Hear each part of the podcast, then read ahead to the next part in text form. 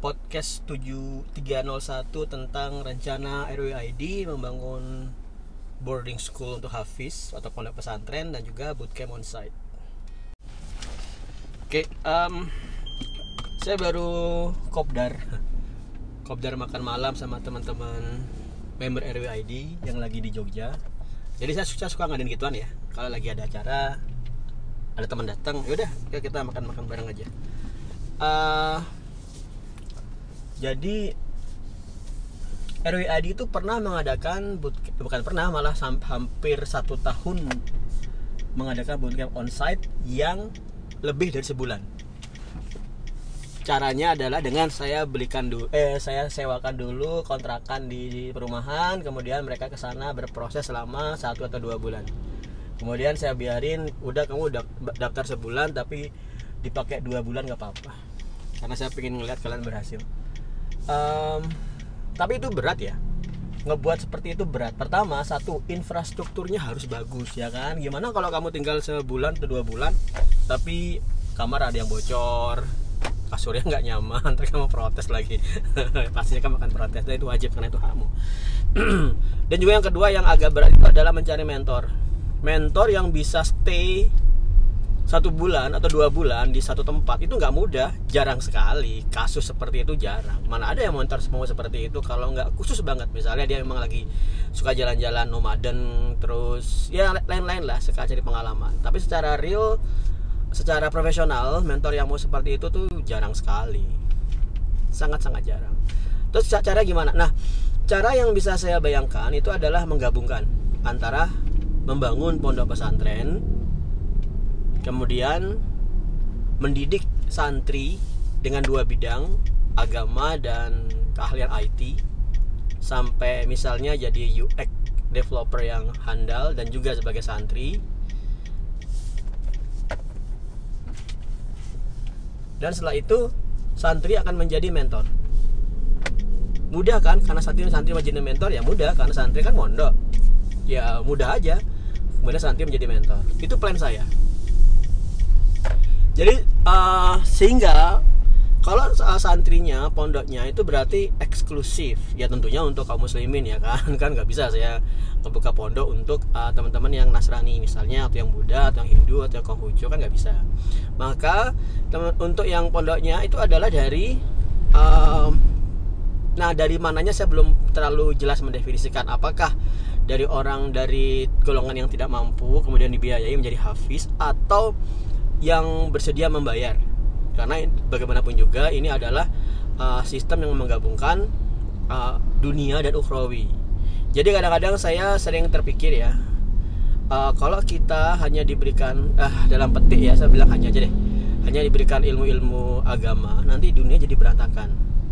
Kalau kamu nggak percaya banyak ada uh, lulusan pondok pesantren karena tidak punya keahlian di bidang dunianya akhirnya bekerjanya serabutan atau malah bekerjanya uh, yang tidak sesuai dengan nuraninya atau pada akhirnya malah sholatnya ditinggal. Banyak loh cerita-cerita seperti itu.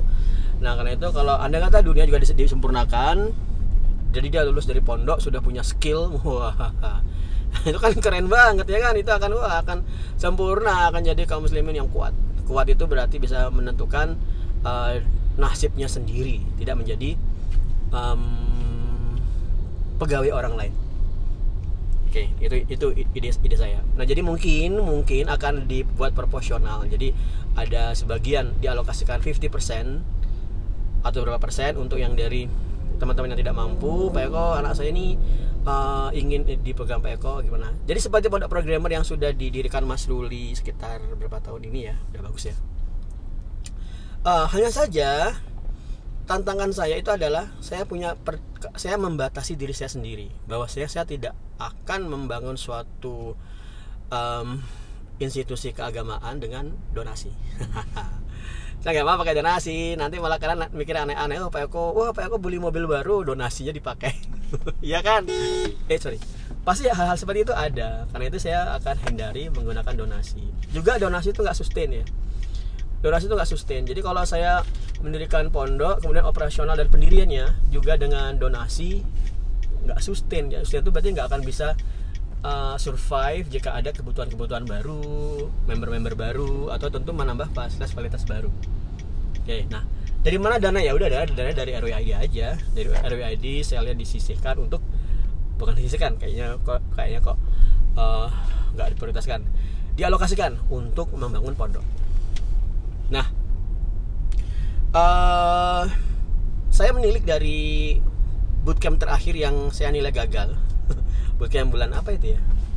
Eh, akhir akhir tahun lah pokoknya. Itu saya nilai gagal. Kenapa? Karena saat akan proses pendaftaran ternyata member yang mendaftar di UX itu lebih banyak daripada yang coding.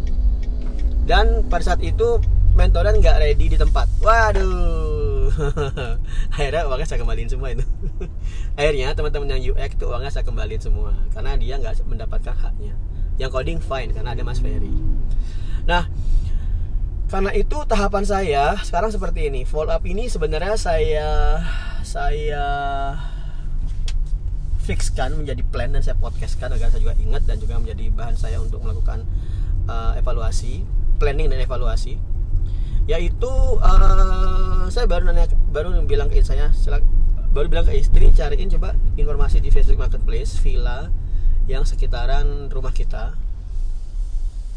Dan kemudian itu akan saya ubah menjadi bootcamp dan pondok pesantren.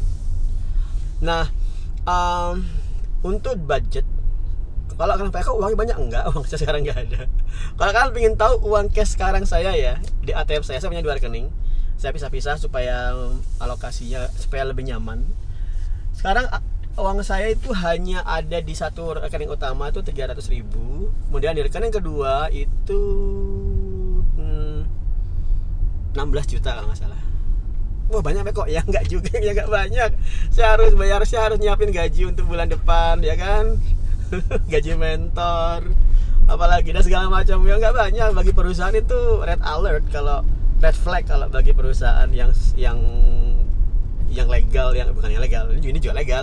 Maksudnya perusahaan yang korporat itu ya ini red alert mereka akan punya uang dana miliaran itu atau ya ya nggak tahu lah berapa dananya. Akan punya dana untuk operasional sampai 6 bulan misalnya. Kalau RWAD sebenarnya dana operasional udah nggak ada. Ya segitu 16 juta itu aja. Tapi satu saya punya visi dan juga keyakinan bahwasanya uh, operasional RWID itu akan lancar karena Siapa sih orang yang mau memilih kerja di kantor jika ada opsi kerja di rumah dan itu menghasilkan jauh lebih banyak? Coba kamu jawab. Mau nggak kamu? Kamu pilih kerja di di kantor 3 juta per bulan atau kerja remote work, remote work di rumah 30 juta per bulan. Kamu pilih yang mana? Nah, ya kan? Cuman gini, uh, sehingga dari sudut itu remote work itu nggak akan bisa di stop yang bisa menghentikan remote work itu adalah jika RWID kualitasnya menurun itu aja. Misalnya wah ternyata kok mentornya nggak bisa coding misalnya ya. Oh ternyata Pak Eko kok malah terlalu sibuk. Apa ini ya? Saya sibuk ngapain dia ya terlalu sibuk uh, main PS5 misalnya. Nggak ngurusin nggak ngurusin rakyatnya. Ya rakyatnya. Nggak ngurusin membernya itu bisa ya ya seperti itu. Tapi kalau dari segi demand dari segi tren nggak akan berhenti.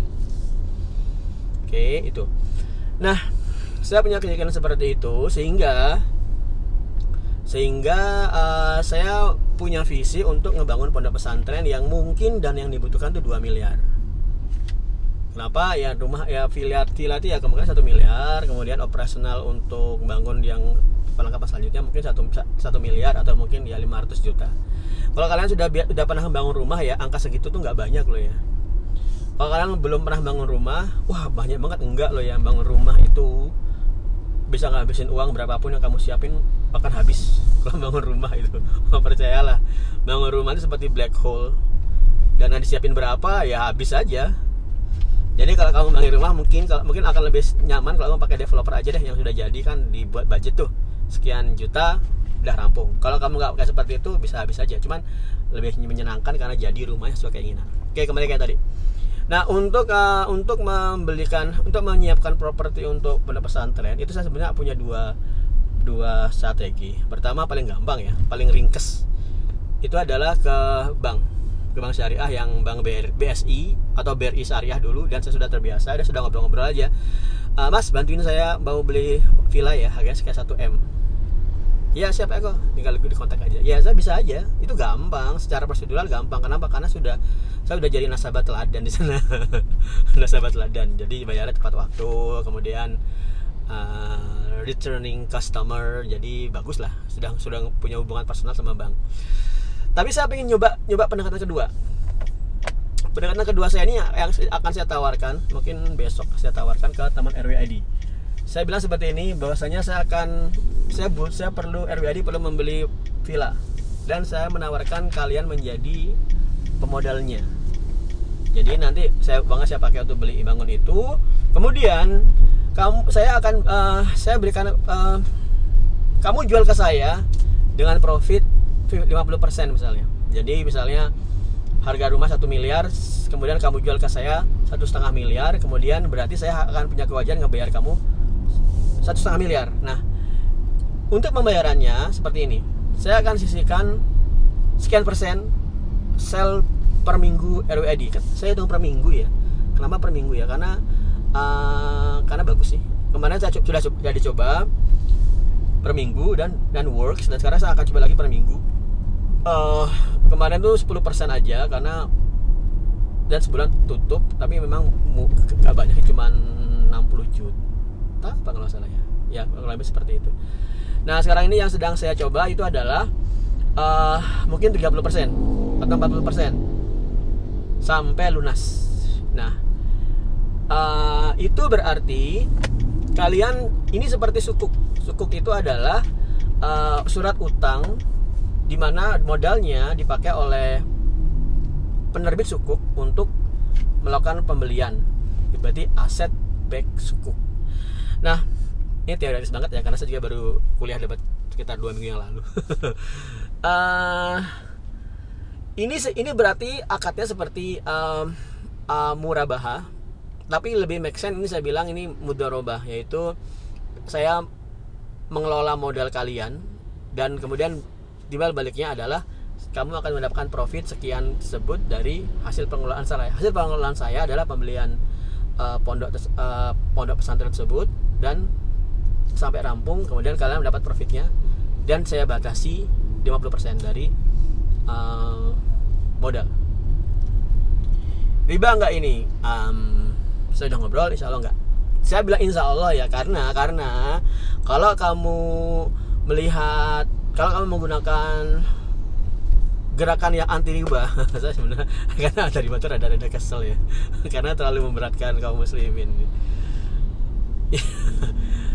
kalau gerakan yang yang yang anti riba itu nggak ada.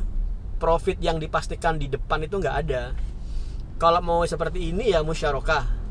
Musyarakah itu ribet musyarakah itu. Kalau pakai aturan dari uh, yang sering dipakai gerakan anti riba itu siapa namanya? Takyudin dari pendiri HTI di Palestina kalau salah. Um, tidak uh, saya harus menyiapkan di awal sekian jumlah orang kemudian modalnya menyatu melebur kemudian panjang lagi urusannya. Nanti ah boleh gaji atau enggak? Ah itu enggak, saya nggak bisa pakai seperti itu. Saya pernah coba ya Allah ini terlalu memberatkan yang mau bekerja ini nggak akan jalan-jalan. Karena itu saya pakai yang mudarobah mudarobah yang pakai yang tadi. Jadi mudarobahnya sudah saya pastikan profitnya sekian sehingga ada ujungnya ada ujung akhir dari suatu kerjasama. Kalau nggak seperti itu nanti seperti saham. Saham itu nggak ada ujungnya. Dan itu berat banget bagi pendiri perusahaan atau sebagai apa megang modal. Kalau suatu kerjasama nggak ada ujungnya ya Allah ribet banget itu nanti jadinya. Oke. Nah itu dia. Sehingga saya ambil yang pertengahan. Pertengahannya adalah satu uh, ada ujung dari suatu kerjasama. Jika sudah menyelesaikan 50% oh, sorry berarti 150% ya. Dan kedua uh, akadnya adalah musyarakah mudharabah bukan yang saham. Oke okay. um, saya akan tawarkan dan kemudian kita eksekusi. Tapi saya tawarkan ini saya, saya ngecek aja. Bisa nggak terkumpul? Kalau nggak ya saya akan pakai bank. Kenapa seperti itu? Karena bank itu sebenarnya lebih aman. Kalau saya mati kalau saya mau kalau saya minjem di bank untuk pembelian dan saya mati aman. Amannya adalah uh, ada ada apa namanya? Ada asuransi yang nanti menutup kebutuhan saya itu. Saya langsung lunas. Jadi uh, yang bank bank akan langsung mendapat dana dari asuransi dan lunas. Jadi nggak ada beban utang. Tapi kalau saya mati misalnya teman-teman RWAD membantu saya dan saya mati ya nanti eksekusi dari inilah eksekusi dari aset yang dibeli tadi.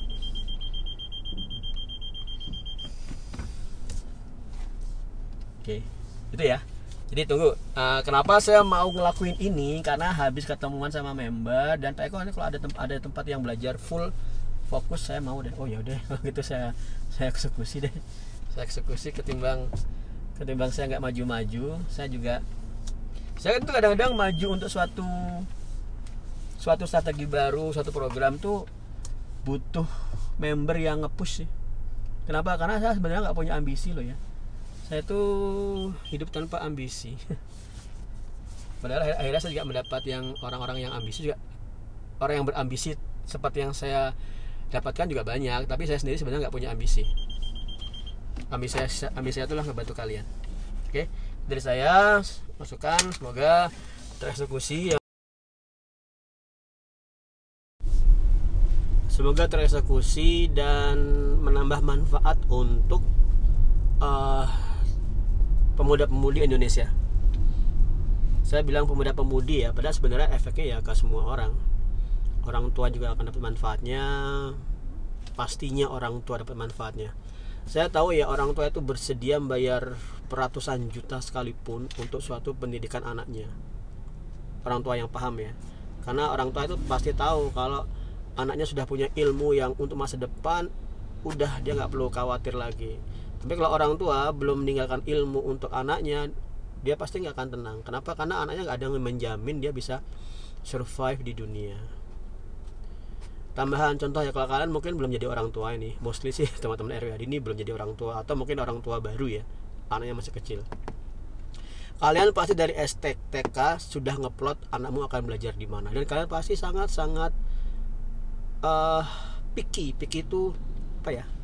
Pemilih untuk pendidikan anak-anakmu. Karena kamu tahu begitu anak-anakmu salah dalam pendidikan wah udah deh nggak bisa di reverse bisa gak kamu nge-reverse anakmu nanti ya yang sudah 25 tahun terus kamu berpikir oh ya anda dulu belajar ini. Ya nggak kami nggak bisa kan?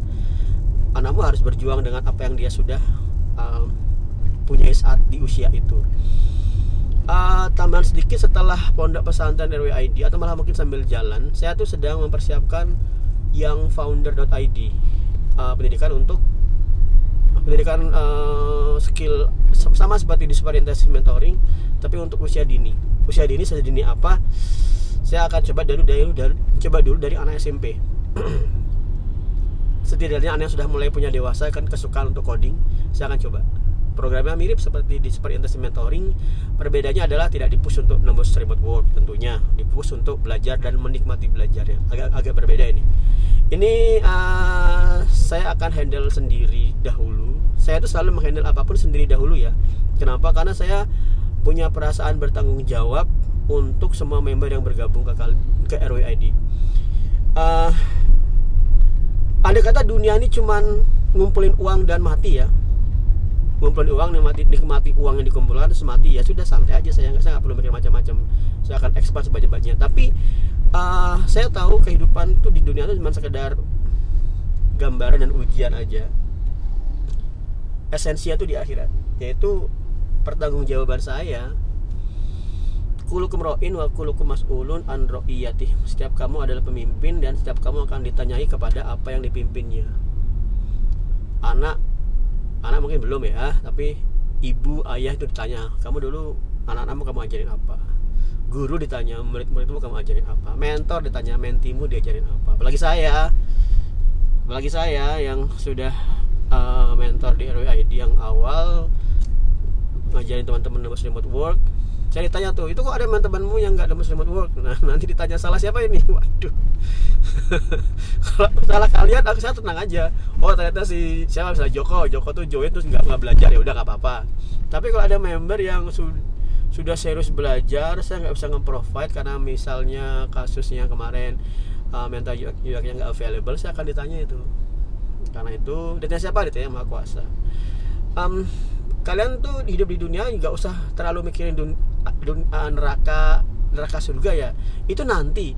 Yang utama itu sebenarnya masalah hisap. Hisap itu lebih berat daripada itu kenapa Eko? Karena kamu nggak akan tahu ujungmu itu apa. Saat hisap tuh kamu nggak tahu. Di hisap tuh di mempertanggungjawabkan perbuatan.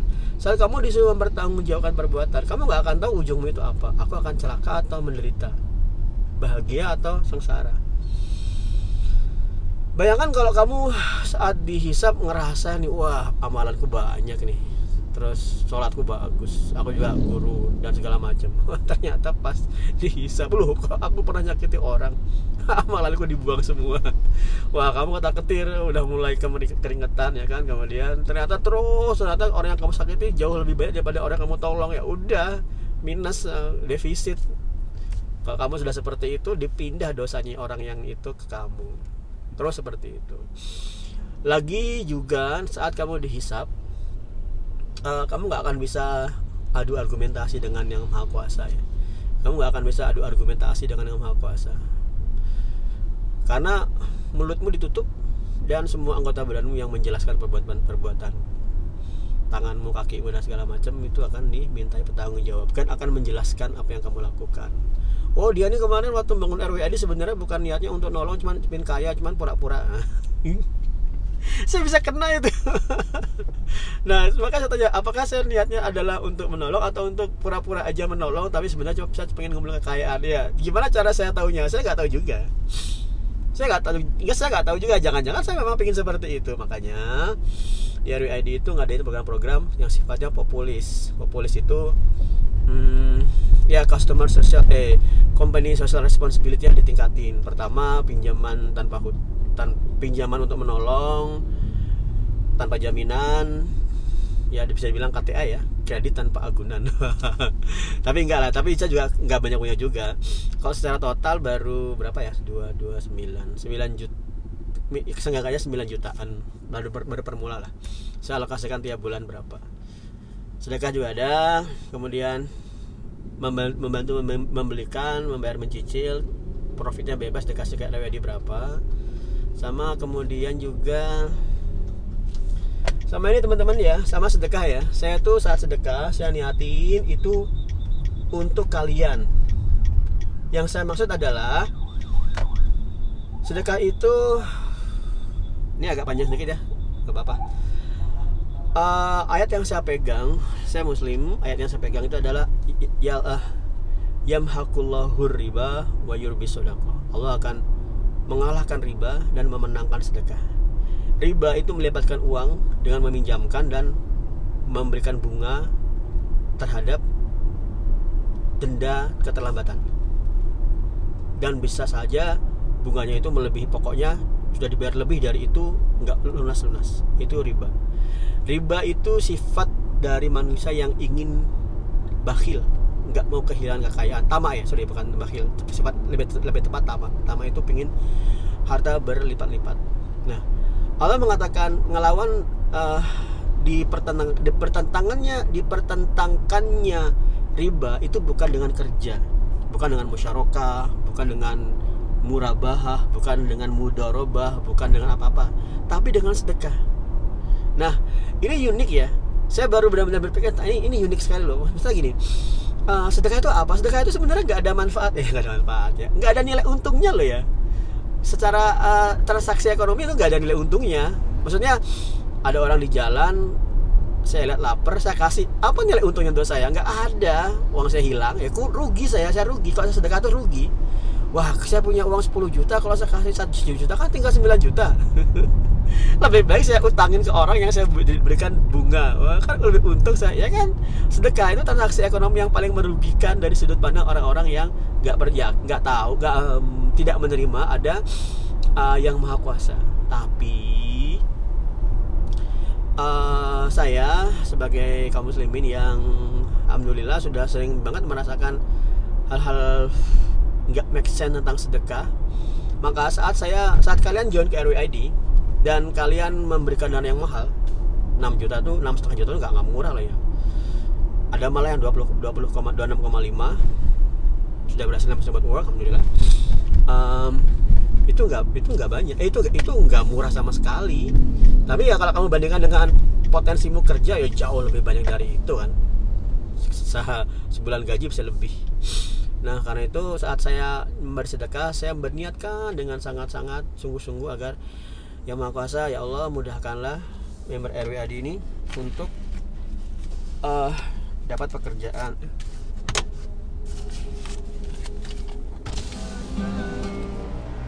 Semua. Eh, siap. Mudahkanlah member RWAD ini untuk dapat pekerjaan. Karena ini adalah harta mereka yang ini saya sedekahkan untuk siapa pun yang membutuhkan. Nah itu itu cara saya membantu kalian dengan uh, dengan sedekah. Jadi kalian nggak usah khawatir tentang ini mungkin kalian tidak cepat nembus remote work bagi teman-teman yang dari nol tapi semoga dengan ini kalian bisa lebih mudah belajarnya dan dapat bantuan dengan banyak cara contoh misalnya belum nembus Upwork nih Pak Eko tapi alhamdulillah dapat job dari tetangga sebelah misalnya. Gitu. Kenapa kamu dapat job tetangga sebelah kan saat sudah belajar dari nol di RWID ya kan? Hal-hal seperti itu yang saya ingin harapkan.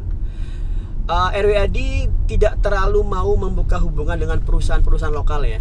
Misalnya banyak sebenarnya perusahaan yang minta bantuan ke RWAD untuk mencari tenaga tapi saya nggak buka saat itu. Kenapa? Saya nggak mau. Saya nggak mau menyuruh kalian kerja bekerja di RWAD terus kerjanya di Jakarta di Bogor. Terus, oh, ngapain bekerja di RWAD sebelah aja. Tempat lain aja nggak penting itu. Saya ingin kamu tuh semua nembus remote work keluar negeri tinggal di rumah jangan ke Jakarta udah beri, udah berisik gitu. Kamu tinggal aja di kota masing-masing di Klaten, di Pati, di mana lagi? Trenggalek, di mana-mana tinggal di situ, ambil dana dari luar negeri, kemudian perkaya negara, perkaya desa. Oke gitu ya, waduh panjang sekali nih. Semoga semoga uh, ucapan-ucapan saya ini bisa kalian uh, buktikan sendiri supaya kalian mendapat benefit yang jauh lebih banyak daripada yang sudah saya harapkan dan saya mintakan kepada yang Maha Kuasa. Oke, selamat malam saya mau membeli bubur kacang hijau Madura Assalamualaikum warahmatullahi wabarakatuh